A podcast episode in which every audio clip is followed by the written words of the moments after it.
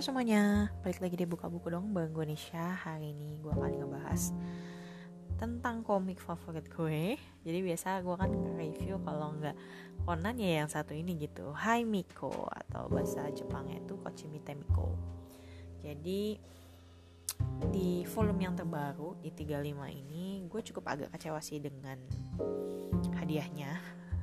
Kayak kok hadiahnya begini doang gitu dengan harga yang lumayan bayarnya ya 60 ribu gitu kan. Tapi kok hadiahnya begini gitu. But overall kadang gue juga hadiah dari Miko juga gue gak kumpulin sih. Cuman cuman pengen aja. Yang penting gue baca gitu kan Mikonya. Nah kali ini kita akan langsung ngebahas langsung dari ceritanya. Menurut gue cerita di sini cukup banyak yang menarik dan karena ceritanya Mikonya udah SMP nih sekarang jadi mulai banyak kayak tentang kegiatan klub terus kegiatan les mungkin terus agak uh, cinta-cinta monyet gitu kan. Dan lagi-lagi sih selalu ada edisi Valentine ya. Tak kenapa gue ngerasa hampir setiap di komiknya Miko tuh selalu ada Valentine-nya gitu. Nah cuman ini sebenarnya dari yang episode 3 eh episode 34 dari volume 34 tuh udah banyak beredar kalau sebenarnya volume 35 ini ada isu uh, eh, LGBT-nya gitu. Dan untungnya di Indonesia sendiri banyak disunting, jadi banyak diedit. Jadi uh, cerita yang tentang LGBT-nya itu dikeluarin dari buku yang 35 ini.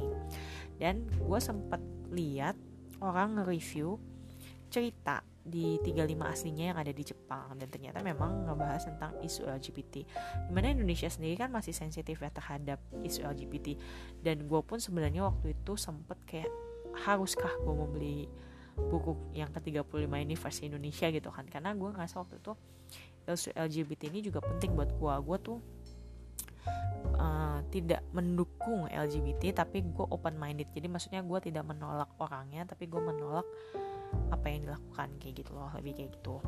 Nah ternyata untungnya di 35 nya Indonesia tuh dikeluarin isu-isu LGBT itu.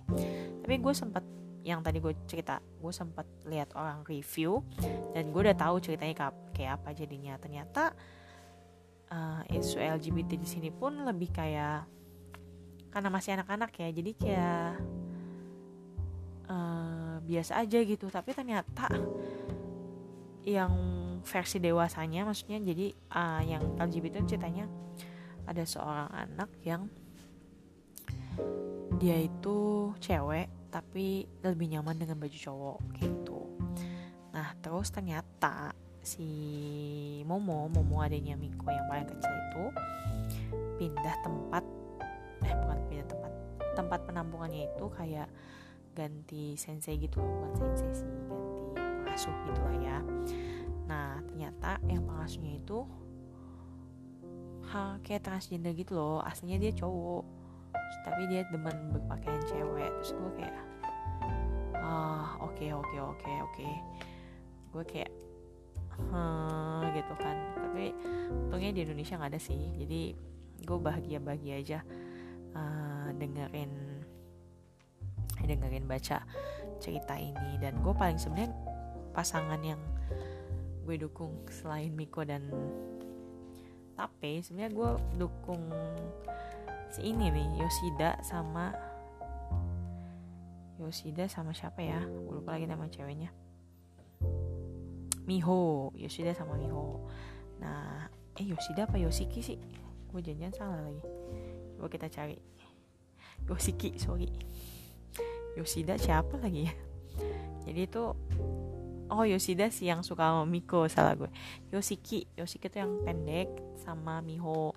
Tapi gue rasa nanti SMP Yoshiki bakal tinggi sih dan nanti Miho kayak bakal suka mungkin sama Yoshiki soalnya di cerita ini sebenarnya kayak Miho nya udah mulai mulai membuka diri kepada Yoshiki jadi buku 35 ini walaupun tipis ya gara-gara banyak cerita ada sekitar 2 sampai 3 cerita yang dihilangin tapi nggak apa-apa masih worth it dan thanks to Gramedia Indonesia MNC sih tepatnya MNC Indonesia yang menyunting ini menjadi apa ya komik yang bisa gue baca dengan tenang tanpa ada isu LGBT-nya. Oke deh, see you next time.